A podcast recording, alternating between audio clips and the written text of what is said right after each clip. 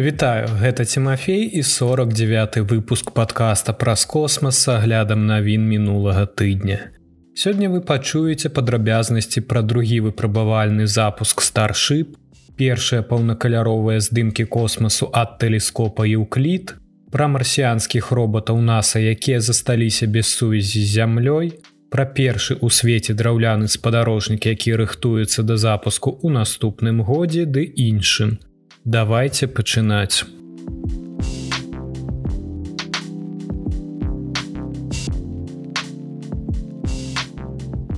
Старship адправіўся ў палёт. Мегаракета наступнага пакалення SpaceX, найбуйнейшая з калі-небудзь пабудаваных 18 лістапада стартавала ў другі выпрабавальны палёт.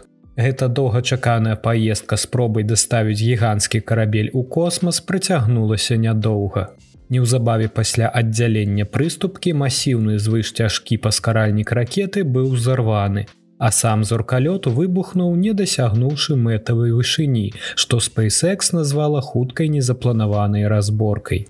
Масіўная ракета носьбіт старship і суперхэві ўзляцелі ў суботу каля 13 гадзін па грынвічы або ў асёмай гадзіны раніцы па мясцовым часе Тэхаса з выпрабавальнага і вытворчага комплексу SpaceX Starbase у бока Чка. Гэта быў другі выпрабавальны палёт цалкам інтэграванага карабля старship, які складаецца з ракеты носьбіта першай прыступкі суперхэві і касмічнага карабля верхняй прыступкі старship. Першы старт, які адбыўся сёлета 20 красавіка прайшоў не так удала як гэты. Першы запуск заркалёта завяршыўся камандай самазнішчэння прыкладна праз 4 хвіліны палёту. Адной з прычын няўдачы першага палёта стала немагчымасць падзелу двух прыступак старship.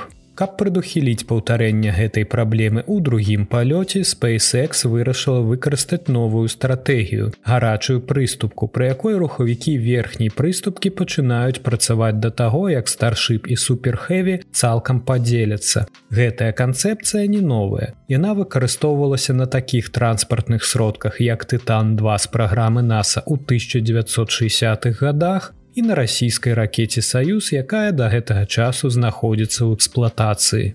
Падзел прыступак у старship у другім палёце адбыўся своечасова. Прыкладна праз две хвіліны 41 секунду пасля старту. І здавалася прайшоў гладка але ракета носьбіт суперхэві была ўзарвана неўзабаве пасля аддзялення прыступкі Верхняя прыступка старшы працягвала ляцець кароткі час пасля аддзялення і SpaceX спадзявалася ўсталяваць прыём сігналу з касмічнага карабля на мэтавай вышыні каля 250 кіламетраў.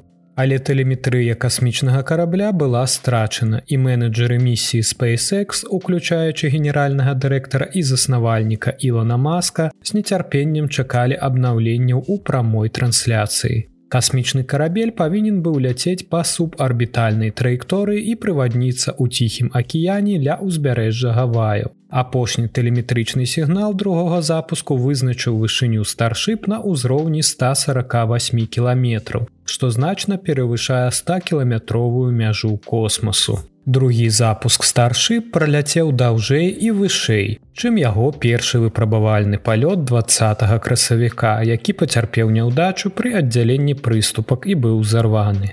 Так што SpaceX усё ж палічыла другую спробу паспяховай. Але калі вы прапусцілі запуск, то вы заўсёды можете паглядзець відэо і фота з гэтай хвалюючай падзеі ў сацыяльных сетках падкаста. Далучайцеся.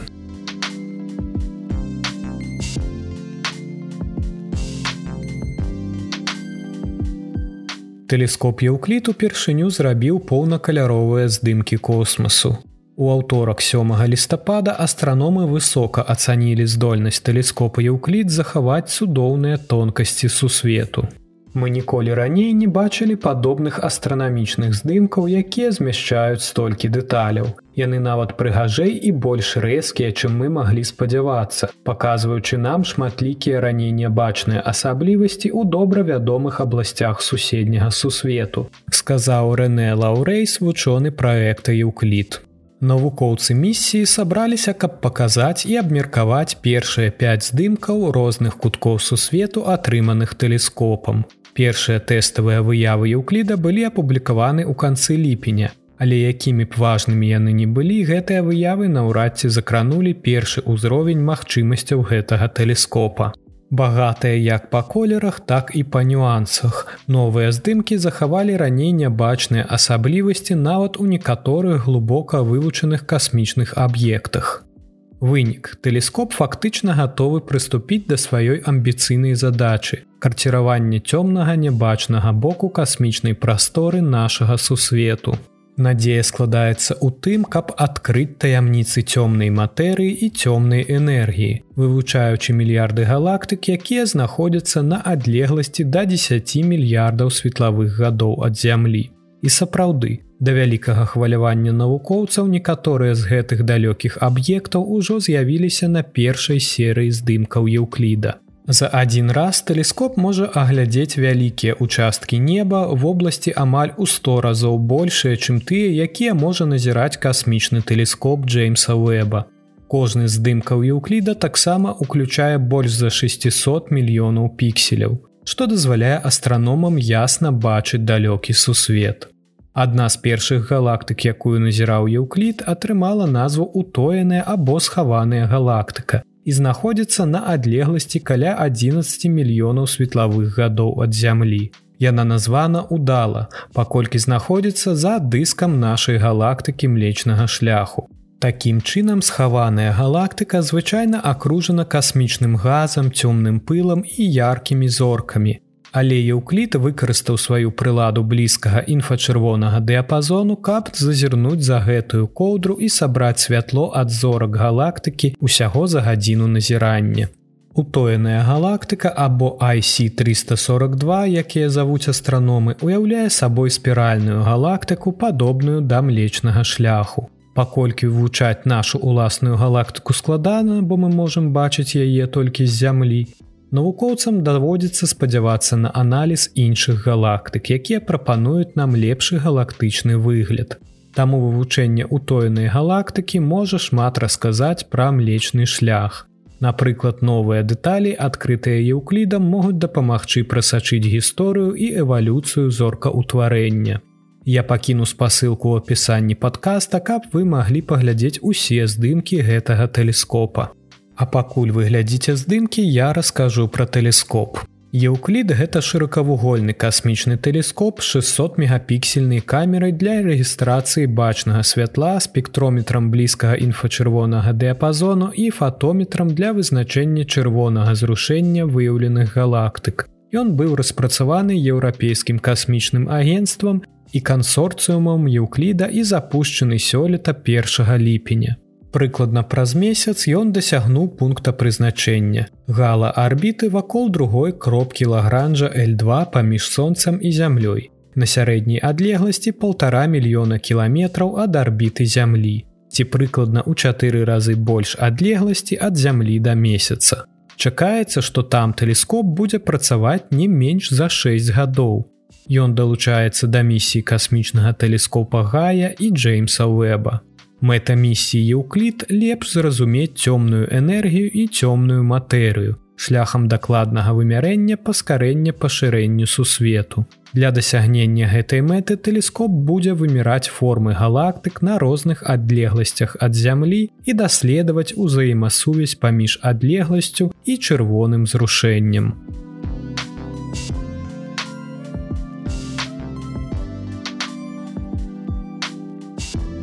Марсіянскія роботы NASAа засталіся без сувязі з зямлёй, але турбавацца няма пра што. У цяперашні час зямля перажывае сонечнае злучэнне Марса. Двухтыднёвы перыяд на працягу якога зямля і чырвоная планета размешчаны на супрацьлеглых баках сонца. Каманды марсіянскіх місій на зямлі прыпыняюць дасылаць каманды падчас такіх падзей, якія адбываюцца прыкладна кожныя два гады па меркаванням бяспекі. Аднак марсіянскі флот NASAа не будзе спыняцца падчас сонечнага злучэння. У час мерапрыемства, якое пройдзе з 10 по 25 лістапада усе роботы працягнуць выконваць працу. Напрыклад, марсаход персеверанс і кюрыосці будуць адсочваць змены умоў паверхні, надвор'я і радыяцыі, пакуль яны застаюцца прыпаркаванымі. Нягледзячы на тое, што марсіянскі верталёт інжынюеце спынены, ён будзе выкарыстоўваць сваю каляровую камеру для вывучэння руху пяску, які ўяўляе сабой пастаянную праблему для місіі на марсе. А тры актыўных арбітальных апарата NASA Адысея, Mars Reconnaissance Orbiter або MRO і Мавен па-ранейшаму будуць назіраць за планетай зверху. Па словах прадстаўнікоў NASA Адысея і MRO працягнуць рабіць здымкі, а Маван працягне вывучаць, як атмасфера Марса ўзаемадзейнічае з сонечнымі часціцамі. Большасць гэтых роботаў ужо даўно умеюць пераадольваць злучэнні. Напрыклад, Адысей прыбыў на Марс у кастрычніку 2001 года, а MRO прыбыў туды ў сакавіку 2006 года. Кюрыосці даследуе велізарны кратар гейла на марсе са жніўня 2012 года, а Маван дасягнуў арбіты марса ў верасні 2014 года. Персеверанс і інжынюаці адносна пачаткоўцы ў флоце. Дуэт роботаў прызямліўся ўнутры кратара джезераў шырынёй 45 кіламетраў у лютым 2021 года.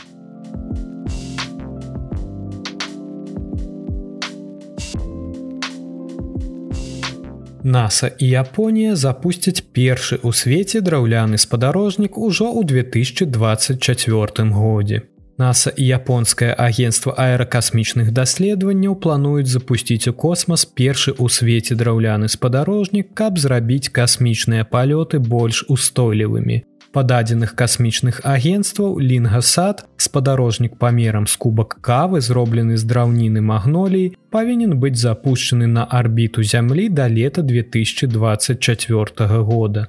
Драўніна не гарыць і не гніе ў касмічным вакууме але пры выхадзе ў атмасферу зямлі яна згарыць у дробны попел што робіць яе дзіўна карысным біараскладальным матэрыялам для будучых спадарожнікаў Пасля паспяховых выпрабаванняў узораў драўніны на борце міжнароднай касмічнай станцыі ў пачатку гэтага года навукоўцы мяркуюць, што выпрабавальны спадарожнік прыдатны для запуску.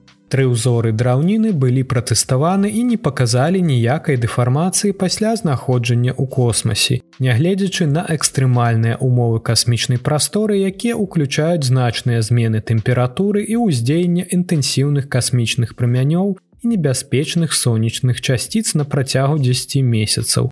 Выпрабаванні пацвердзілі адсутнасць раскладання або дэфармацыі паверхні. Каб вырашыць, якую драўніну выкарыстоўваць, навукоўцы адправілі на мкс тры ўзоры драўніны, магнолію, вішню і бярозу для захавання ў модулі ў адкрытым космасе. Даследчыкі спынілі свой выбар на магнолій, таму што верагоднасць таго, што яна расколецца ці зламаецца падчас вытворчасці меншая.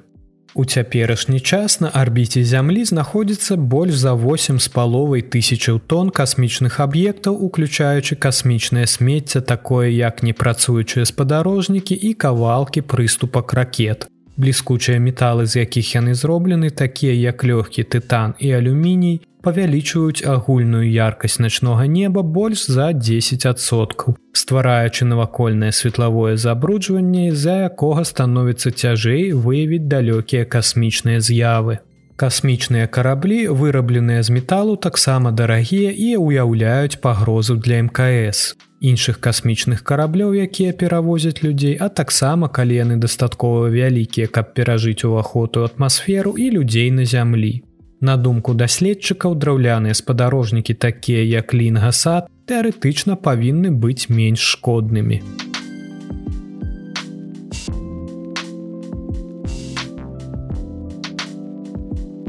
Спадарожнік Юпітера і а самы вулканічна актыўны свет у сонечнай сістэме. Акрамя таго, спадарожнік Юпітера Іа можа валодаць глобальным акіянам магмы пад сваёй паверхняй і загадкава цёплымі палюсамі. Іа унутраны з чатырох найбуйнейшых спадарожнікаў Юпітера, трохі больш зямнога месяца. І ён самае вулканічна актыўнае цела ў сонечнай сістэме.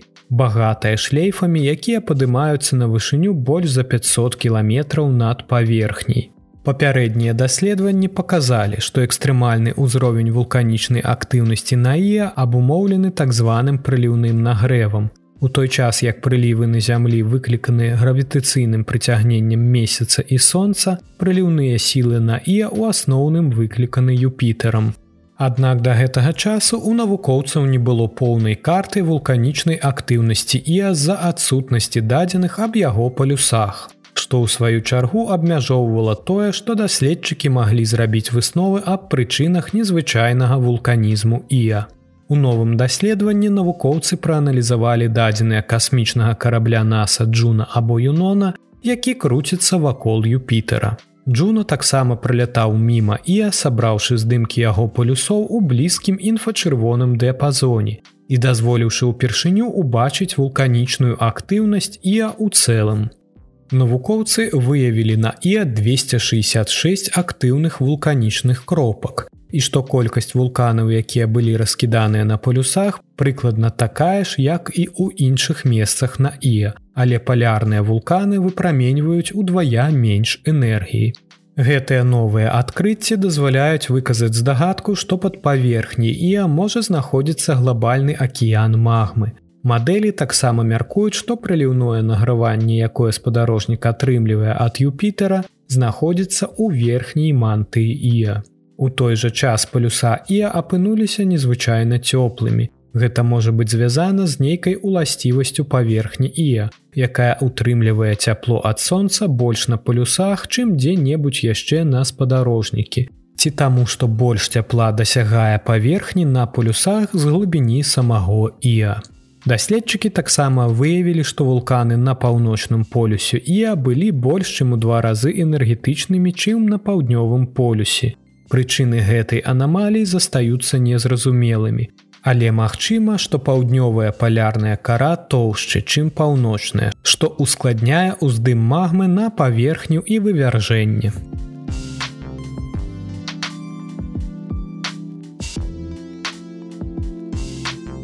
Это ўсе навіны, пра якія я хацеў распавесці вам у выпуску. Цяпер пагаворым аб самых цікавых падзеях наступных тыдняў. 25 лістапада месяц асветлены на 95соткаў будзе паблізу Юпітера. Да 9 гадзіны вечара па мясцовым часе яркі дуэт паднімецца на самую высокую кропку на небе. Вы лёгка заўважыце іх неўзброеным вокам у сузор'і Авена. 27 лістапада наступіць поўня. У гэты час наш натуральны спадарожнік будзе знаходзіцца ў сузор'і цяльца. Не хвалюйцеся, калі вы прапусціце дакладны дзень поўні. Для няўзброенага вока месяц будзе здавацца поўней на працягу некалькіх дзён до і пасля гэтай даты. Гэтая поўня завецца бабровы месяц або бабровая поўня. Адна з назваў для поўні ў лістападзе. Традыцыя прыдумляць імёны для поўнага месяца прыйшла ад індійскіх плямёнаў. Яны азначалі асаблівасці календарнага месяца і адлюстроўвалі іх у назвах поўні. У лістападзе бабры актыўна рыхтуюцца да халадоў, будуюць плаціны і назапашваюць ежу ў сваіх хатках. SpaceX будзе імкнуцца зрабіць яшчэ 6-7 запускаў да канца лістапада для сваёй групоўкі спадарожнікаў інтэрнэту Starlink на ракетах Falалcon 9 цікавага на канец лістапада або пачатак снежня на ракете Falалcon 9 запланаваны запуск першага з пяці разведвальных спадарожнікаў для ўпраўлення праграмы абаронных закупак паўднёвай кареі, адзін з якіх абсталяваны электрааптычным інфачырвоным тэлескопам. Астатнія чатыры спадарожнікі з радарам і сінтэзаванай апературай будуць запущены пазней. Да 2025 года яны будуць запущены на нізкую калязямную арбіту вышынёй ад 600 до 700 кіламетраў, што дазволіць вайскоўцам паўднёвай кареі кожныя две гадзіны назіраць за ключавымі вайсковымі аб'ектамі суседа, які валодае ядзернай зброяй. Дзякуй, што даслухалі да канца. Асаблівая падзяка маім патронам. Вы заўсёды можете далучыцца па спасылкі ў апісанні. Таксама я заўсёды буду рады бачыць вас у сацыяльных сетках падкаста. Пачуемся ў снежні.